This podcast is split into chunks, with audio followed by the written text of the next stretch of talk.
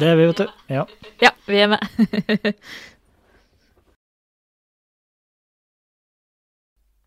Og vi skal rett og slett begynne med Kristin. Jeg har fått boka i posten, det har dere også. Med personlig hilsen. Eh, og eh, hva syns dere om boka, for å begynne der? Nei, det var en eh, spennende bok. Hun skriver om livet sitt eh, og det kriminelle miljøet, det jugoslaviske miljøet, og møtet med dem.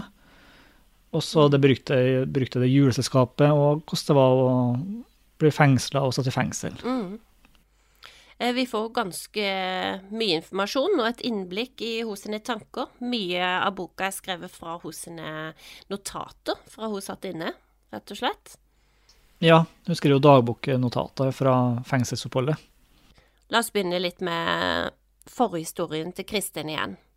Hun hadde jo litt mer eh, ja, turbulent liv. Ja, hun var jo en person som likte på en måte å finne på mye tull, da. Hun var jo litt sånn ja, glad i å fære ut og, og røre seg og møte folk, og veldig nysgjerrig, og tror jeg kasta på, kastet på Nei, kasta seg på mange spennende ting, da, og likte å, å utforske livet, Mm. tror jeg. Og så havna hun vel etter hvert, da, kanskje i litt feil miljø, da, fordi hun søkte spenning, og kanskje syntes det var kjedelig å sitte inne og sånne, og sånne ting, da. Så Mm. hun havna jo etter hvert i et miljø som kanskje ikke var så veldig bra, da. Og sikkert mye av det fordi hun var glad i å, å ut og røre seg og ja. Mm. Og hun blir jo mor i ganske tidlig alder til David, som vi har snakka litt om tidligere. Og da er det jo også en viktig person, Sverre. Hva kan vi si om eh, det som skjer da? Kristin som mor og det forholdet der. Nei, det er at faren ikke er så begeistra over at Kristin eh, lever et utsvevende liv og ruser seg. Så det å snakke om at barnevernet skal komme inn og overta ansvaret etter hvert Men så finner de en ordning der Sverre Kirkemo tar over omsorgsretten. Og det var Kristin egentlig ganske Mm. positivt innstilt til å begynne med. Men så gikk det vel ikke helt som hun trodde, da, med tanke på at hun ikke fikk treffe sønnen så ofte som hun ønska. Det skyldtes jo hennes, eh, hennes problemer med rus. Og at faren rett og slett satte ned foten og sa at hvis du skal være sammen med sønnen din, så må du være uh, rusfri. Og i boka så får vi jo høre litt om hvordan Kristin også traff eh, Lars Grønnerød. Og eh, hva slags forhold var det? Nei, de var jo samboere og bodde i Lars sin leilighet på Frogner. Og de møttes jo ganske tilfeldig, ved at uh, Lars skulle kjøpe noen sånne uh, lightere som Kristin hadde. Og så fant jeg vel tonen etter hvert, og så flytta hun inn, da. Men eh, Så det var et sånn kjæresteforhold, men samtidig så virka det som at Kristin også hadde andre menn på si, da. Mm. Og det har jeg også til dels bekrefta gjennom beskrivelsene i boka. Ja. Og det kommer vel også frem en del i retten. Ja, det gjorde det. Så Kristin eh, hun forteller jo også om barndommen, men hun har et litt annet syn enn eh, Veronica. Hva er det Kristin sier? Nei, hun syntes, syntes barndommen var fin, og at det ikke var noe problem i hele tatt. Og ja, hun hadde et fint forhold til faren og søstrene, for så vidt. Men at det var litt mer problematisk med tanke på mora, da. At de ikke hadde det beste forholdet. Og så får jo Kristin også et forhold til gården som vi har snakka om. Og Lars ble jo også introdusert gjennom eh, Kristin. Men eh, hvor er Kristin i livet da, når hun blir introdusert for Orderud gård? Hva er det som rører seg? Nei, det er som vi har vært inne på, at hun hadde jo rusproblemer. Eller hun syntes kanskje ikke det sjøl, men hun hadde i hvert fall eh, var i et bevandra et slags kriminelt miljø der hun ikke hadde fast jobb, og der hun var våken på nettene, så om dagene. Så det var et ganske utsvevende liv med mye festing. Og det hun brydde seg om, det virka som at det var liksom, ja, å få mest mulig ut av livet, samtidig som hun ville tilbringe tid med sønnen sin. Ja, og så skal det vel også i starten ha kanskje underfortalt litt til, eh, til annet Veronica, da, familien, hvem Lars var. For det virka jo først som han var en grei kar, og de møtte jo han og tenkte det, men så endra det vel seg litt når de skulle få en stol, annet fra Lars, og så fikk de stolen, og så datt det vel ut en del sprøytespisser fra stolen, og da skjønte de vel at ok, han her har ikke helt rent eh, mel i posen, da. Så hun ga vel kanskje litt sånn forbedra int, eller prøvde å få gi et inntrykk av at han var kanskje litt, eh, ja, litt annet enn hva han egentlig var, da. Ja, og Lars var jo veldig sånn, Han var jo fra det beste vestkanten, på en måte snakka veldig ordentlig og pent.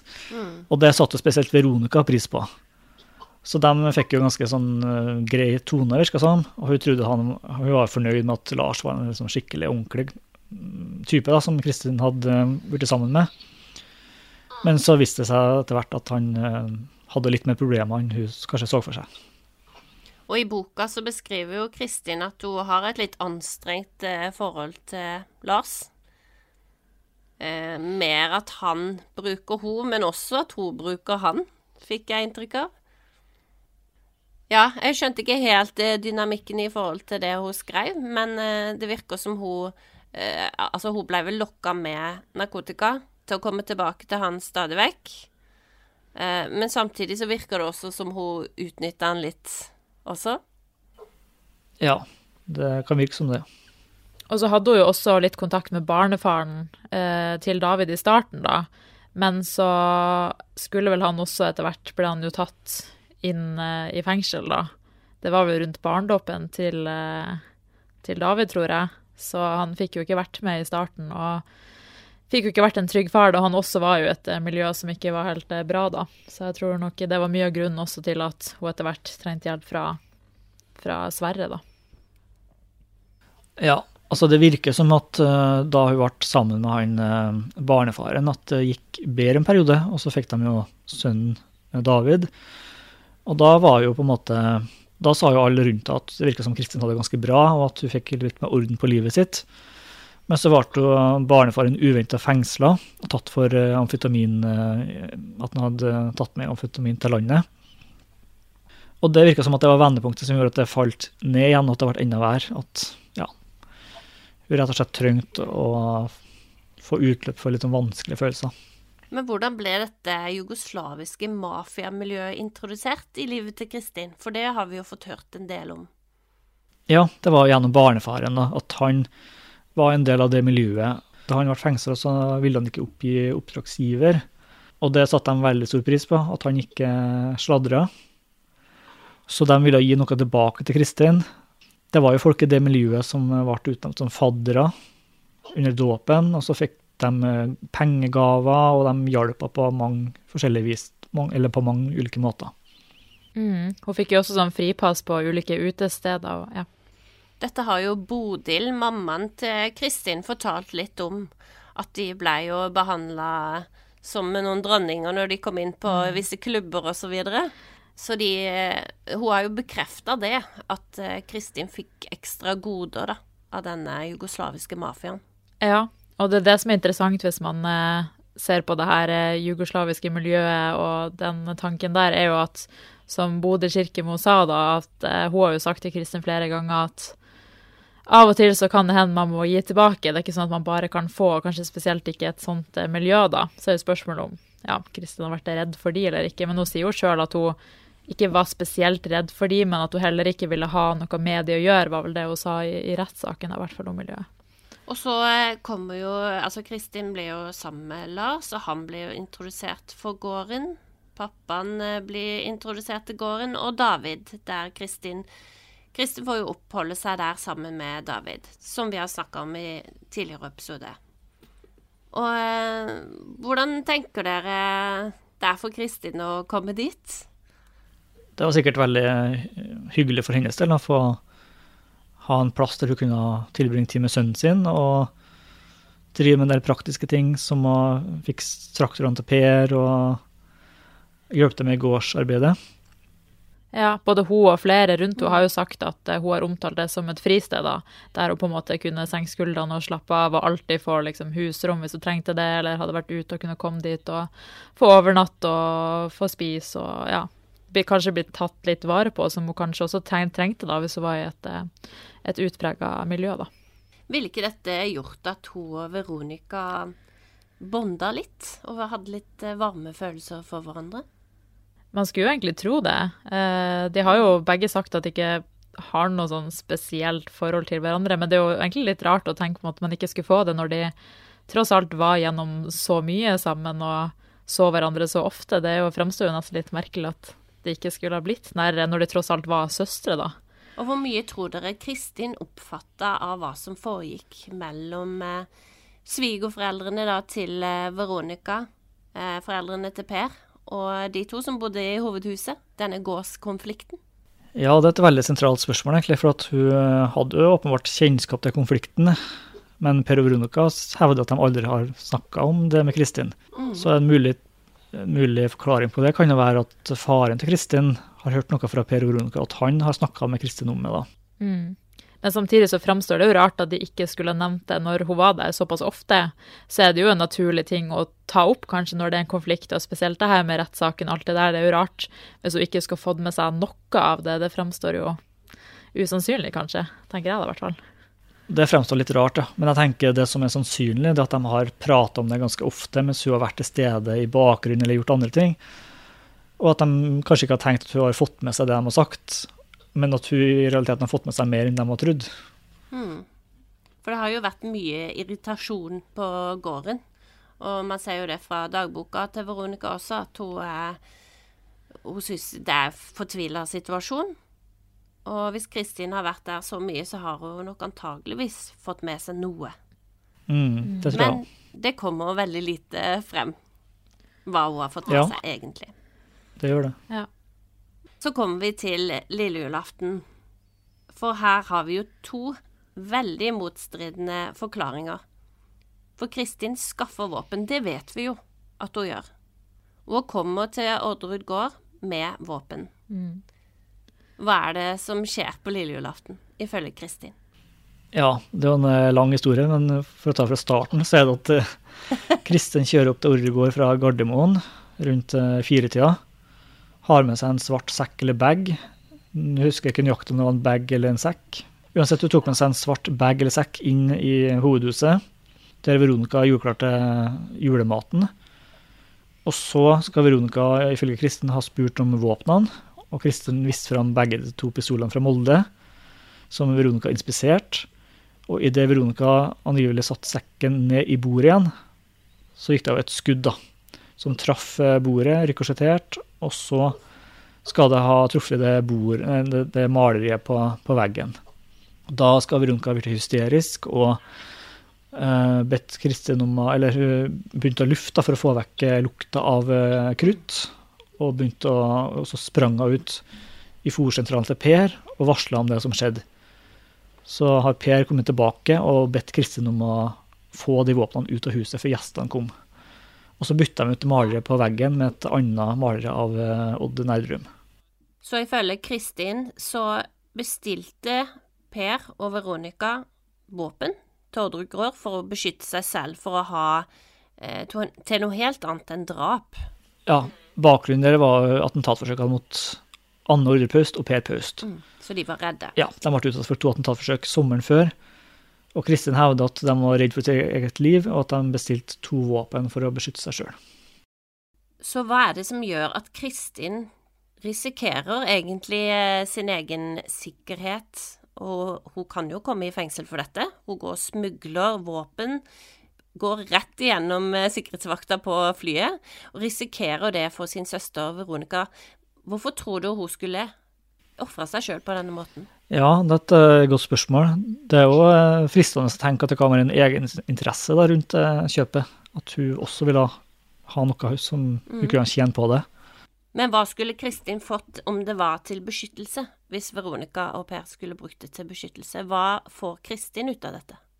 Nei, da får jo ikke så mye ut av det, utover å hjelpe søstera si. Men om du snakker om egeninteresse, så er det jo ikke noe nødvendigvis noe hun har å tjene på det, utover at hun kanskje fikk noe penger for å hente våpnene. Hun hevda jo sjøl at, at Lars fikk 20 000 fra Per, og at Lars ga pengene videre til Kristin, sånn at hun kunne skaffe våpnene. For disse våpnene koster jo også penger, eh, så Ja, ja. de ser jo ikke Det er ikke tydelig at Kristin får en stor sum for å gjøre denne jobben.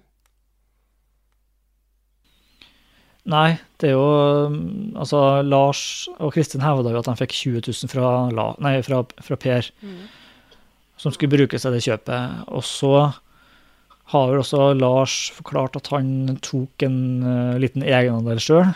Så det kan jo også i forlengelsen av det tenkes at Kristin tenkte på samme vis, og at hun også tok en liten slunt sjøl, da. Men det er jo selvfølgelig snakk om ganske lite penger, sånn sett. Ja, og så har hun jo også Hun må jo skaffe flybilletter, ikke sant. Hun må jo komme seg til Molde, så det er jo ganske, ganske stor um, aksjon, da, hvis hun bare skulle gi det til beskyttelse. Da må du i så fall, hvis det kun er grunnen, hvis det stemmer at hun bare ga det til beskyttelse, så må det eventuelt være at hun var så inne i det miljøet at hun ikke kanskje tenkte at det var så alvorlig, da eventuelt. Hun var jo veldig impulsiv, da, som hun sier, gikk gjennom sikkerhetsgreiene og så bare sette seg på et fly med våpen i håndbagasjen. Det er jo ikke mange som ville tatt den risikoen, da. Nei, og så syns jeg det er veldig interessant at det skjer dagen før juleselskapet. Hvis vi legger til grunn at eh, Per og Veronica er oppdragsgiver, at de bestilte to våpen, og at det skulle leveres på ordregård lille julaften, så venter vi altså til siste liten, til to dager før med å reise til Molde. Nei, dagen før eh, med å reise til Molde. Så det viser jo at hun eh, er ganske impulsiv, i så fall at hun venter med ting til siste liten. Ja, så hvis dette skulle vært et oppdrag der våpen skulle bli brukt til et drap, så ville, ville oppdragsgiveren vært rimelig stressa hvis dette ble bestilt impulsivt. Ja. Det har jeg forstått mm. meg. Ja, man kan jo forestille seg det, ja. Mm. Men det er jo rart, da, fordi hun sier jo sjøl etterpå at ifølge Kristin da, at drapsplanlegginga ikke starta før den dagen, da. Så da er det jo rart at de skulle be om våpen, og så etterpå tilfeldigvis si sånn ja, eh, Lars, eh, kan du hjelpe oss fordi vi har tenkt til å, til å drepe to mennesker, da. Det er jo litt motsigende, det der med våpenanskaffelsen, og at de begynte å snakke om det først 23.12. ifølge Kristin, som også var den, mm. eh, den uttalelsen som politiet la til grunne for den når de satte dommen, da. Mm. Ja, Vi kan jo bare tenke hvor sannsynlig det er at uh, først så bestiller de våpen som skal brukes til selvforsvar. Og så etter de er levert, noen timer senere, så skal de våpnene brukes til å drepe familien til Per. Hva er sannsynligheten for at begge de hendelsene inntreffer nærmest på samme tid? Og da sier jo Kristin at uh, hun blir holdt utenfor. De andre ser litt ned på henne, snakker dårlig til henne. At Kristin, du skjønner ingenting. Kristin, du du vet, du vet, ikke hva som skjer her. Jeg husker ikke ordrett hva som ble sagt, men iallfall så snakker de litt ned til henne. Mm. Og hun blir fornærma, og de, ifølge henne, sitter og planlegger drap. Ja, de sier jo det, eller Kristin hevder at Veronica Per eh, spør om hun ikke skjønner alvoret i situasjonen. Og så legger de ut om at eh, de kan miste gården, og at mm. det er en forfalska kontrakt som ikke må komme ut og at de må unngå en ny rettssak, og derfor må familien dø. Og så sier jo Kristin i sin forklaring at hun da følte seg veldig dum og ble veldig lei seg, fordi at uh, hun sier jo at det var Per og Veronica som ba om det her våpenet, da, og i hennes forklaring så sier hun at hun da ble veldig såra da de på en måte plutselig ba å ta ut våpenet og sa at de ikke skulle ha noe med det å gjøre, da, uh, når hun ifølge seg sjøl hadde fått en bestilling for uh, våpnene, da. Men la oss nå si at Kristin eh, finne på historier her. Hvorfor vil hun kaste sin egen søster under bussen? For det er jo det hun gjør i avhør. Ja, det kan jo være mange grunner til det. Det, jo, det første kan jo være hvis du sjøl er skyldig, uten at vi skal legge det til grunn, så kan det hende at hun har noe tjent på å forklare at andre er skyldige for å sjøl få strafferabatt. Mm. Og det visste jeg. Hun fikk jo, hun fikk jo bare 16 års fengsel, mens Per Veronica fikk jo 21. Og det var fordi at retten mente at hun bidro til å oppklare saken. Så allerede der har du på en måte et konkret eh, Ikke bevis, men du har en slags eh, motivasjon for Kristina til å lyge, uten at vi skal si at hun lyger akkurat om det her. Men en ting som vi vet nå, det er jo at DNA-et til Kristin har de funnet på en liten teipbit som var festa til pølsa, eller dynamitten, som ble lagt eh, i et av attentatforsøkene. Det var vel det første attentatforsøket eh, i eh, eksospotta på bilen til egentlig Christian Orderud, som Anne hadde fått låne. Hva vet vi om de bevisene der mot Kristin? Ja, det er jo ikke skrives så veldig mye om det, i og med at uh, nyheten sprakk i høst. Hvis du tenker på hvor sikkert det beviset, så virker det som at det er ingen som har uh, stilt spørsmålstegn ved det, i hvert fall ikke. Så det virker som et sikkert DNA-bevis, da. Og hva betyr det? Det betyr i alle fall at hun er mer involvert enn hva hun har sagt. Hun har jo tidligere sagt ved flere anledninger i rettssaken at hun ikke har hatt noe med attentatforsøkene å gjøre, eller visste så vidt noe om drapene og bare hørt at det var noe drapsforlegging. Men hun har jo vært involvert, i hvert fall i attentatforsøkene, og da har hun jo hatt mer kjennskap til den familien og de relasjonene, da. Eh, når hun rett og slett er den eneste som har et DNA-bevis som er funnet på seg eh, til noe som er knytta til, til saken, da. I tillegg så beviser det jo at hun løy da, om attentatsaken. Hun har hele tida hevda at hun aldri hadde kjennskap til det, og ikke har gjennomført noe som helst.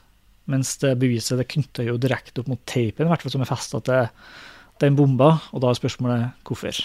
Kan eh, DNA til Kristin ha kommet der av andre årsaker? Ja, det var jo et aktuelt eh, tema i den saken mot Jonny Vassbakk, at det kunne være snakk om oversmitte der.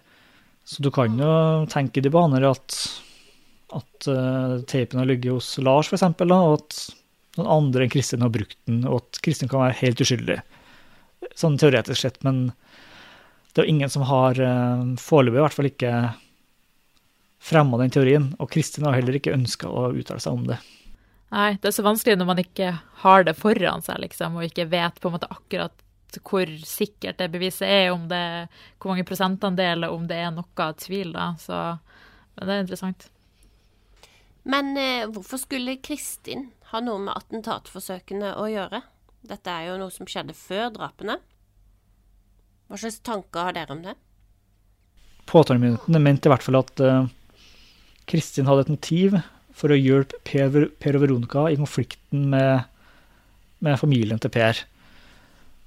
Og da sa han i podkasten at eh, han trodde at Eller dem trodde at eh, Kristin rett og slett ville skremme Anne fra å vitne i rettssaken, i den sivile saken. Og at det ville hjelpe Per Veronica med å vinne saken. Men kunne ikke dette ha drept Anne og Per? Jo, det er det jeg syns Ja, det er akkurat det jeg susser litt over, da. At eh, de legger eh, den teorien til grunn med tanke på at det er veldig uavklart om attentatforsøkene er reelle, eller om det er drapstrusler. Og Hvis vi går inn i de to attentatforsøkene, så er det jo snakk om en bombe som er festet under en bil, som mangler tennsats. Og det kan jo på et vis tyde på at det er snakk om et draps... Eller en, en trussel, bare. Og at den bomben aldri skulle gå av. Men samtidig så har du det andre attentatforsøket, da, som er eh, gasslekkasje utenfor leiligheta med farlig gass. Og så var den forsøkt påtent via en bensinlunte. Og det var det bare tilfeldigheter som gjorde at ikke hele etasjen ble sprengt. og satt fyr på. Men kan det ha vært at den var blitt påtent og slukka med vilje for at det også skulle skremme, da? Nei, jeg tror egentlig ikke det. Det er selvfølgelig en teoretisk mulighet for det, men eh, det så ut som et drapsforsøk, ja. I tillegg så var jo den gassen ganske farlig i seg sjøl. Og det skulle ikke så veldig mye til for at det skulle antennes. Så da tar du en veldig stor risiko da, hvis du, eh, for å få det til å se ut som en trussel. Kan, du kan gjøre mye annet greier for å for å tro folk. Men hvis du først begynner å tenne på en bensinlunte, da går du ganske langt. Og Det er ikke sikkert du får slukka den heller, hvis du prøver. Og før disse to attentatforsøkene, så blir jo Per Paust slått ned på åpen gate, rett og slett. Etter eh, han og Anna har truffet noen venner på byen. Og dette er jo en eh, person som eh, mm. ser utenlandsk ut. Den snakker svensk. Er dette også satt i sammenheng med attentatforsøkene? Altså, det blir vel ikke noe særlig omtalt, tror jeg, som en del av attentatforsøkene. Men det er jo veldig interessant at det har skjedd, eh, at han ble slått ned. Og spesielt det her med at det var en mann som snakka svensk med litt gebrokken aksent, og det var jo mye rare elementer der, at han ble slått ned. Og så skal jo en gjerningsmann ha gått, og så skal han etterpå ha gått tilbake forbi åstedet som om ingenting hadde skjedd. Og det er veldig mye rare greier i akkurat den saken der som kanskje gjør det vanskelig å tenke at det var helt tilfeldig. Det kan jo selvfølgelig være et helt tilfeldig overfall på gata, men det fremstår veldig rart, da. Og, og rart at ikke kanskje politiet nevner det mer, da, tenker jeg i hvert fall. Jeg vet ikke akkurat det med at når vi kommer tilbake, der jeg sussa veldig på hva som var årsaken til det. Men så besøkte jeg jo Gabels gate i sommer. Og da har jeg, eller jeg mener selv at jeg har kommet frem til en mulig forklaring på hvorfor han gikk tilbake. Og det at den leiligheten ligger veldig langt ned i gata, og den gata ender jo like noen meter eh, bortafor. Så da må du jo nødvendigvis snu da, for å komme deg tilbake. Så jeg mener at det kan være forklaringa, og at personen kanskje ikke var så lokalkjent. Men hvis vi ser alt sett i sammenheng, da, så med denne første hendelsen, der går det jo utover Per Paust. Og så er det attentatforsøket som egentlig ville ramme, kunne ramme begge. Og så til slutt et, rett og slett et drapsforsøk i leiligheten, der også begge og andre kunne blitt skada. Så dette er jo veldig eh, Det er sinne da, vil jeg påstå, retta mot Per Paust først. Det er han som blir slått ned. Eh, jeg tror også Anne blir slått ned, for hun prøver å hjelpe han. Og så er det jo rett og slett eh, ganske drøyt, det som skjer i ettertid. Hva, hva, tenker dere hvis man skal da sette dette i sammenheng med drapene? Og Kristin sitt DNA? Mm.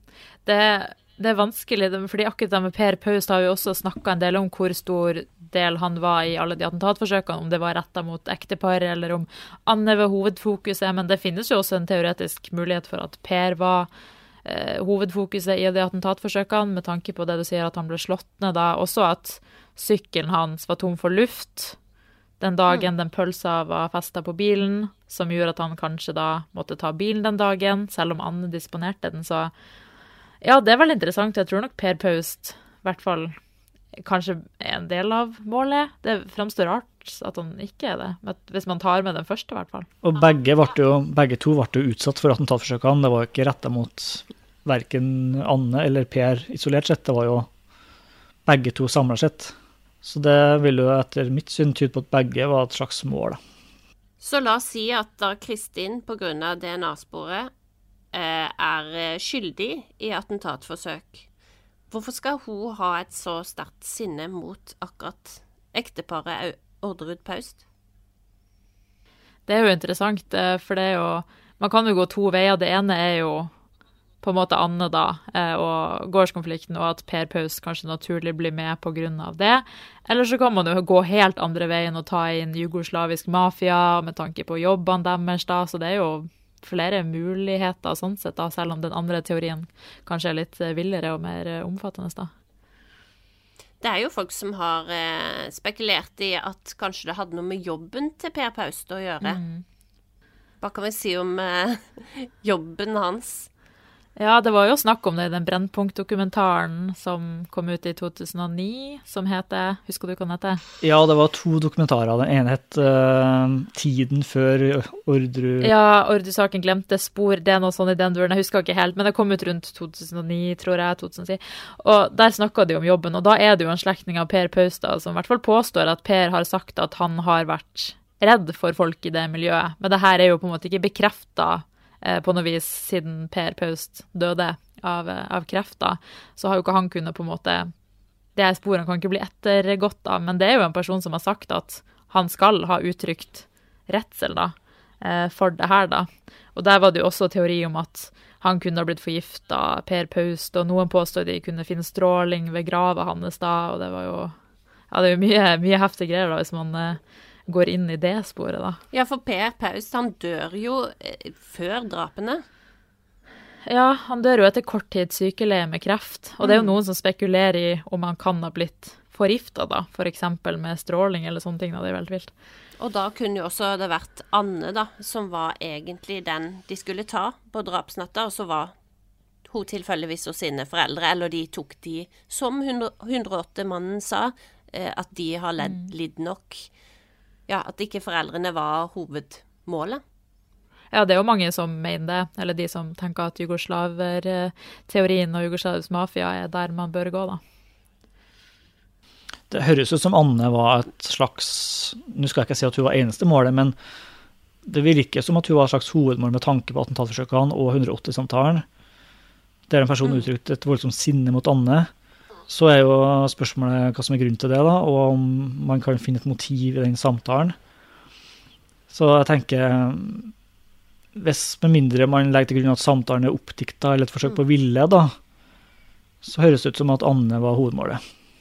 Så da er det jo veldig spesielt, da, at Kristin sitt DNA blir funnet på eh, denne pølsa. Spesielt hvis da ikke Veronica og Per ja. har noe med dette å gjøre, Så hvordan har hun vikla seg inn i dette der Anne og Per Paust er målet? Ja, det som er interessant, er at hvis det hadde f.eks. vært Lars Grønnerød sitt DNA som var funnet, så er det jo lettere å knytte til kun gårdskonflikten. Men Kristin er jo også den eneste av de fire som har en slags kontakt med det kriminelle jugoslaviske miljøet. Så sånn sett kan man jo liksom trekke tråder begge veiene, fordi hun på en måte har kontakt både med gårdskonflikten, men også har beviselig hatt kontakt med folk fra det kriminelle jugoslaviske miljøet. Da. Så det er jo interessant. Og da begynner det å bli komplisert. Og så er det veldig interessant at eh, det sporet det kan jo tolkes på to vidt forskjellige måter, uavhengig, eller avhengig av hvor ståsted du har i saken. De som mener at Kristin er skyldig på oppdrag av Per og Veronica, vil jo tolke det som at det beviser at gårdskonflikten var motivet bak drapene. Mens de som mener at jugoslavisk mafia står bak i ledtog med, eller sammen med Kristin, vil jo tolke det i en helt annen retning. Det, vil, det funnet vil egentlig bare styrke eh, teorien du har da, fra før av. Mm. Men la oss snakke litt om alibiet til Kristin. Eh, når jeg leser boka, så fikk jeg litt mer innblikk i hva som kan ha skjedd i retten. For Kristin går jo og oppsøker ei venninne som hun ønsker skal være alibiet sitt. Eh, men Kristin forklarer i boka at det var ikke på grunn av eh, drap eller noe sånt. Det var en helt annen grunn til at hun ønska seg et alibi for den natta. Eh, hva tenker dere om alibiet til Kristin? Hun mener jo at hun var i en budbil og leverte aviser. Ja, det alibiet er jo ganske vanskelig å få tak på. Hun har jo mange forskjellige forklaringer som hun gir i avhør, og hun må jo korrigere seg ganske ofte for at hun, hun mener at hun husker dårlig og ikke klarer å plassere dagene riktig. Og når hun til slutt lander på det hun mener er alibiet, da, at hun satt på i en eh, bil for å levere aviser den natta, så slo det alibiet etter hvert sprekker, for det var jo en forklaring om at avisbudet løy om at Kristin var med, og at han bare hadde lånt telefonen hennes. Så det svekker jo hennes eh, forklaring rundt det. Med tanke på at du har avisbudet mener at det skjedde, og så har du folk som mener at avisbudet løy. Ja, og spesielt fordi at hun ikke fant ut av det før hun fikk tilgang til mobilutskriften sin og kunne se nærmere på det, da. Og så I tillegg så sendte hun også ut en tekstmelding før rettssaken der det sto Thank, et eller annet sånt, 'Thank you, you are my alibi', eller noe sånt. Som også er litt sånn uheldig at hun på en måte får sendt ut den beskjeden, da. Um, ja, for det, så det styrker jo ikke alibiene så veldig, i tillegg til at det er beviselig at han ofte har lånt telefonen hennes, uansett om man skal si om, om det skjedde den natta eller ikke, da. Mm, og hvis du er skyldig, så er det litt rart kanskje at du har det sterke behovet for å skaffe seg et alibi. Da er det lettere å tenke at du bare Ja, OK, jeg vet at jeg er uskyldig, det her vil ordne seg sjøl. Mens du er veldig på da, på å takke han for at han, han er hennes alibi. Og det står jo mye om dette i boka til Kristin, der hun forklarer eh, seg sjøl, på en måte. Så jeg anbefaler jo å lese den. Um, og det er mye forklaring, det er mye greier. Så ja. Og så til slutt så skal vi til Lars. Han har vi jo snakka selvfølgelig om tidligere når vi har snakka om de andre det som eh, knytter han til saken, som er bevis, da, det er jo rett og slett at han har kjøpt dynamitt som har blitt kobla til det andre attentatforsøket. Hva er det som har skjedd med denne dynamitten? Nei, Han påstår at han fikk eh, dynamitten av en venn, da, som en eh, eh, gave eller eh, gjenytelsesgave. Og at han plasserte dynamitten i kjelleren, og, og at han ikke aner hvordan han havna under bilen til Anne Audre Paust og Per Paust. Så han antyder at det er Kristin som har vært og rota og brukt den sjøl. Og selvfølgelig, når du mm. vet det vi vet i dag, med DNA-funn mot Kristin, så vil jeg si at det er en rimelig mulighet. Lars han var jo involvert eh, med Veronica og Per eh, før drapene. Han var på gården eh, av og til. Det var veldig uklart hvor mye kontakt egentlig han hadde med Veronica og Per. Det ble jo sagt at det ikke var så mye kontakt, men så kommer det jo frem at det er mye meldinger frem og tilbake mellom nettopp Per og Lars. Og det var snakk om en minnebrikke som nesten høres ut som en eh, Ja, noe som er veldig mye verdt da, pga. alle disse meldingene.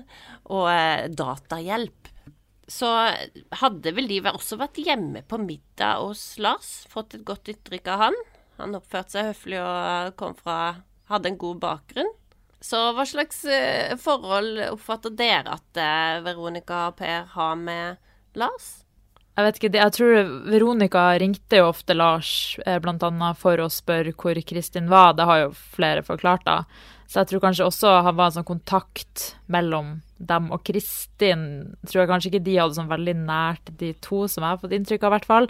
Men det var jo lett for Veronica å kunne ringe Lars da og spørre sånn Hei, har Kristin kommet hjem? Går det bra? Hvor er hun? Hun svarer ikke på telefonen, og sånne ting, da.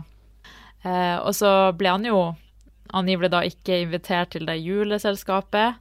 Så han var jo kanskje ikke så nær. Det fikk han jo vite da han kom, at eh, han var ikke invitert. Det var bare Kristin som hadde sagt det. Eh, Kom deg hit, eh, Per betalt taxi. Og så kom han jo da til et ikke dekt på bord, da, mens han hadde pynta seg i dress og sånne ting. Men det kan jo igjen også være fordi at det er jo kanskje ikke naturlig å invitere en kriminell mann hjem på juleselskap med hele familien sin, da. Kristin har jo hatt et forhold til Arman Westad, som hun kjøpte våpenet og dro til Molde og bodde på suite sammen med han. Det har jo han sagt. Eh, han går jo ut med det. Og så kommer hun hjem, hiv ohoi, og ringer Lars, og du må bare komme hit med en gang. Jeg har ikke helt fått tak på hvorfor han skulle komme til Orderud gård på lille julaften. Han hadde jo ikke bil, så det var jo ikke meningen at han skulle kjøre Kristin, så hvorfor skal han komme dit? Mm. Det er iallfall ganske stor forvirring om hva egentlig Lars gjør. Han gjør på Orderud gård på lille julaften, men han blir jo dekka på. Og, og, hans forklaring, hva er, det, hva er hans forklaring på hva som skjer? Han forklarer at han fikk høre om vådeskuddet senere på kvelden. Og da var det enten Kristin eller Veronica som har forklart at Kristin fikla med våpenet, og at det gikk av et skudd.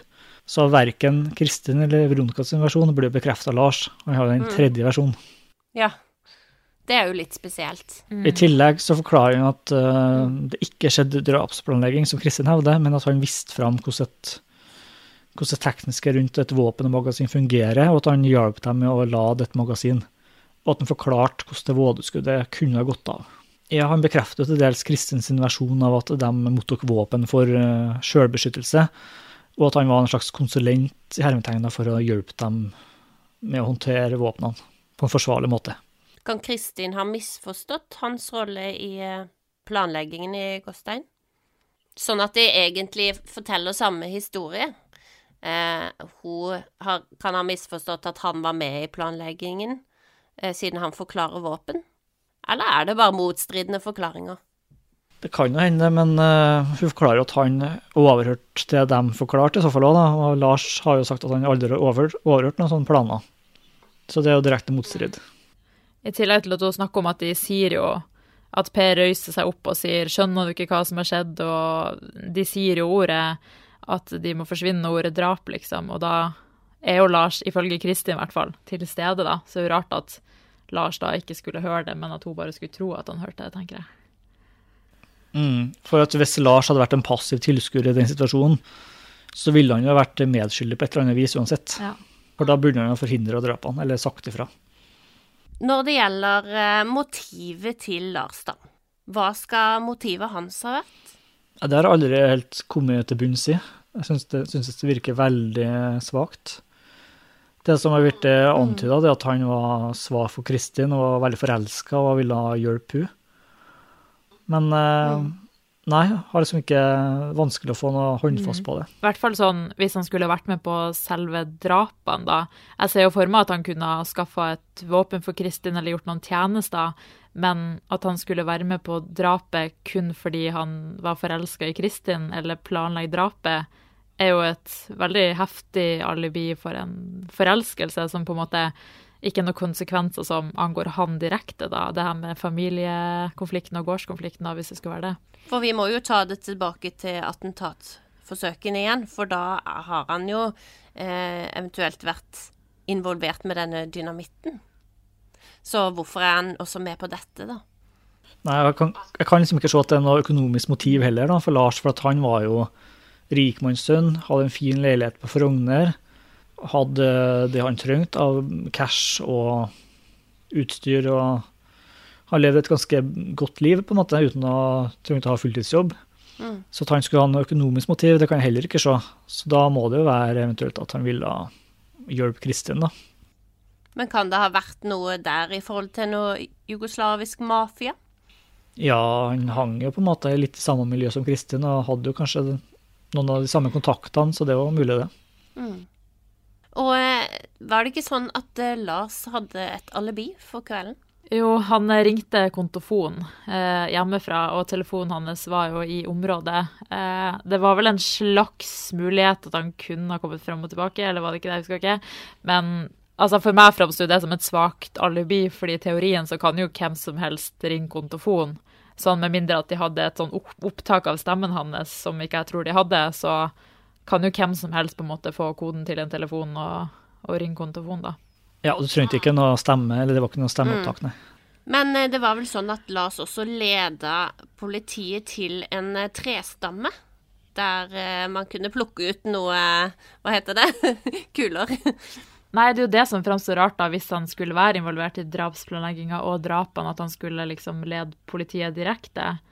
Eh, forsvareren hans den tid mente jo da at, eller advokaten mente jo da at han gjorde det for å på en måte vise dette har jeg gjort, men jeg har ikke noe mer med saken å gjøre. Vær så god, her er våpenet jeg brukte, jeg brukte det og det våpenet, og jeg skjøt her og her, da. Og var det dette som var drapsvåpenet? Ja, sannsynligvis. Eh, Tore Sandberg har heller ikke bestridt det, da. Foreløpig i hvert fall ikke. Jeg mener, eller jeg mener, alle har vært foreløpig lagt til grunn at det er det ene drapsvåpenet. For det var jo snakk om en revolver som eh, ble kalt Lillegutt, som eh, Lars først sa var datamaskinen hans, så han løy jo om det, da. Men det viste seg at Lillegutt var en revolver som eh, Han eh, sa han at han hadde solgt den til Per. Ja, han hevder at han hadde solgt Lillegutt for 4000 kroner, pluss at han hadde fått tilbake ene pistolen i retur. Og når skulle dette salget ha funnet sted? Det, han kom til slutt fram til at det var natt til 3. april 1999. Men i de første avhørene så var han litt usikker på datoen, og hevda vel først at det var i Ja. mars. Og så fikk han servert en eh, bombillett som politiet hadde funnet i leiligheten hans, som viste en bompassering natt til 3. april, og da mente han at våpenbyttet hadde skjedd den datoen. Ja, og det, akkurat det her har vi snakka litt om, fordi denne her bompengebilletten ble jo som sagt funnet før han sa ja, det var den datoen. Og i tillegg så er ikke den bompengebilletten veldig nært Sørumsand. Den er mye nærmere Oslo, så i teorien kunne han jo kjørt hvor som helst den natta, da. I hvert fall når vi vet at Lars var eh, ganske aktiv på natta, i likhet med Kristin, og at de ikke nødvendigvis la seg klokka 11 på kvelden, men at de hadde en tendens til å være våken på natta, så er jo ikke det så veldig oppsiktsvekkende heller. Nei. Men det som er interessant når vi har snakket om det med minnebrikke og våpenlevering, er jo at Lars skal jo ha sagt at denne våpenoverlevelsen skjedde inne på datarommet på Orderud gård, så det er jo litt eh, interessant at han på en måte også uoppfordra trekker inn data, da. Ja, og så Bare for å legge til på den biten, så forklarte Lars i det første avhøret at han ble spurt om å beskrive Per, og så sa han at de hadde ikke så veldig god tone, liksom, men at Per var interessert i data. Og at det temaet skulle komme opp som et veldig aktuelt tema senere, det er jo interessant, da. Ja, og hvor, hvor interessert i data er man da, når man ikke har peiling og skal ha denne her minnebrikka, da? Eh, Ja. Da er det kanskje ikke dataen man er interessert i, men det en data kan gi, da, eller noe han skulle fikse. Ja, det, det virker som at han ikke hadde så peiling på dataene, men at han var interessert i å lære seg en del ting. Ja. Samme når vi så hvor lang den samtalen var med han som ga han datahjelp beviser de da, og etter, ifølge Per sin forklaring, Lars skulle ha gjort det. De hadde jo samtaler som varer i 30-40-50 minutter eh, nesten hver gang, da, så åpenbart så trengte han jo hjelp med data på et eller annet vis, da. Men bekrefta eh, Lars at Per ringte ham pga. datahjelp? Ikke oss bekjent, tror jeg. For han blei sikkert spurt ja, hvorfor hadde du så mye kontakt med Per Orderud? Jeg tror ikke han ble spurt så grundig om det før, eh, før det med våpenbyttet kom opp, da. Men det hadde vært interessant å høre hva han faktisk sa. Det hadde vært interessant hvis han hadde blitt spurt om det i en mye tydeligere fase. Sett hva han har svart da. Så det vi ser nå, er jo at, at Per har jo hatt en god del kontakt med Lars eh, når det gjelder våpen. Det nekter vel Per for, at han eh, kjøpte Lillegutt. Men ifølge Lars så har de hatt en del kontakt, og i, ifølge Per så har de hatt en del kontakt. Men han eh, sier det er minnebrikke, og Lars sier det er våpen, blant annet, da. Så kontakt er det jo. Mm. Men det er jo interessant, da, at eh, Det er jo interessant at Lars skulle liksom selge det våpenet som han kalte for lillegutta, og på en måte hadde med seg hver dag og ja, brukte veldig mye tid på det. Kan du se for meg at det kunne ha kommet noen fingeravtrykk på det? Da må han jo eventuelt ha fjerna det, da. Ja, på det punktet så forklarer jo Lars i avhør at han, han gikk opp på datarommet i andre etasjen, og så tok han og skrudde øh, fra revolveren og pussa den, sånn at det ikke skulle være noe fingeravtrykk igjen. Men da skal du være ganske sikker på at du gjør det ordentlig, da. Eh, Det tar jo sikkert litt tid å pusse vekk fingeravtrykk sånn nøye nok til at politiet ikke finner det, da. Mm. Så hva er historien til Lars? Hva mener han har skjedd? Nei, Lars øh, mener at han ikke vet hva som har skjedd. Og at han, øh, han tror at det er Per og Veronica som sitter på svaret, åpenbart, i og med at de har fått revolveren hans, som de tror har vært brukt til drapet. Så da tror han øh, i forlengelsen av det at øh, Per Veronica enten har gitt våpenet videre, eller at de har brukt det sjøl. Og han var villig til å gi fra seg lille gutt for en uh, liten sum med penger. 4000 kroner, ja. Uh, gi litt våpenopplæring uh, på en julemiddag. Og, og allikevel så har han jo Ja. Hvis han kunne snakke for seg sjøl nå, så ville han vel kanskje sagt at det var Kristin som hadde ordna med denne dynamitten. Ja, han hevder i hvert fall at han ikke har noe som helst med noe å gjøre. Men har han noen gang skyldt på Kristin? Han har jo sagt at Kristin eh, har fortalt at hun sto bak det ene attentatforsøket, det med bilen. Ja. Ja, de hadde en biltur en gang også, og da hadde jo Lars sagt at Kristin eh, hadde spurt om han kunne forklare at det skjedde et våpenbytte med Per, og at det lå til grunn for eh, forklaringa om det. Og, og det forklarte han jo først etter rettssakene, og den ble undertegnet også. Men så trakk han forklaringa senere, og sa at den første forklaringa var, var riktig allikevel. Ja. Nå har vi jo vært igjennom Altså, Lars lever jo ikke lenger. Så eh, han sona jo eh, han, han fikk jo en dom først, som ble omgjort til en lengre dom. Og så døde han eh, Jeg vet ikke hvor lenge etter soning det var. Han døde jo i 2019, da. Han fikk jo 18 års fengsel, og så trekker man fra litt for varetektstida. Pluss at et fengselsår er litt kortere enn et vanlig år, det er jo ni måneder. Så da er det bare å begynne å regne. Så da eh, står vi igjen med Kristin, da, som eh, ikke vil uttale seg noe videre. Men det har kommet nye bevis at eh, DNA-et til Kristin er knytta til det første attentatforsøket. Og så har du Veronica og Per som ønsker å få saken gjenåpna. Og det er jo de fire sentrale. Men du har jo andre navn også som har poppa inn. Eh, men det som er spesielt i denne saken her, er jo at de som faktisk er dømt, de kan jo sitte nå og høre på oss. Eh, de pårørende kan høre på oss, så det er en vanskelig sak å gå inn og snakke om egentlig. Hvordan har dere takla det, på en måte? Dere har jo lagd en hel podkast om Orderud-mysteriet. Nei, det er jo det at man At i hvert fall jeg tror vi må unngå å på en måte prøve å plassere skyld, i hvert fall uten å ha noe bevis for det, men at man må tenke sånn OK, her er bevisene for at en person har gjort det, her eventuelt Eller her er indisium for at de har gjort det, her er det for at de ikke har gjort det, og heller diskutere litt sånn fram og tilbake uten at vi på en måte skal si vår personlige mening om, eh, om hvem som har gjort det, da, tenker jeg. Vi har jo hele veien vært opptatt av å drøfte ting fra forskjellige sider. Ja. F.eks. det med våpenbytte, at vi har sett på argumentene for at det har skjedd, og for at det ikke har skjedd. Så det tror jeg er viktig for å få en balansert framstilling. Og følte dere at politiet gjorde det når disse drapene skjedde? Følte dere at det var et balansert bilde, og at de drøfta frem og tilbake ulike ja, motiv, eh, scenarioer som kunne ha skjedd? Altså Det som framstår, er jo at det var mye snakk om gårdsmotivet. Selvfølgelig, vet jo ikke jeg hva politiet snakka om bak lukka døra, men det var jo det som åpenbart var hovedtema i hele rettssaken. Og ja, fra første pressekonferanse som vi snakka om i del én, at de gikk ut med teorien med en gang. Så det var jo egentlig det saken til syvende og sist bygga på hele veien, da. Og de var jo innom det med attentatforsøkene i første rettsinstans, var det ikke det? Så vidt, i hvert fall. Men det, det var jo nesten ikke snakk om det i andre, i hvert fall, i det hele tatt. Nei, jeg tror det ble kanskje problemer med Ja. å trekke de sakene sammen.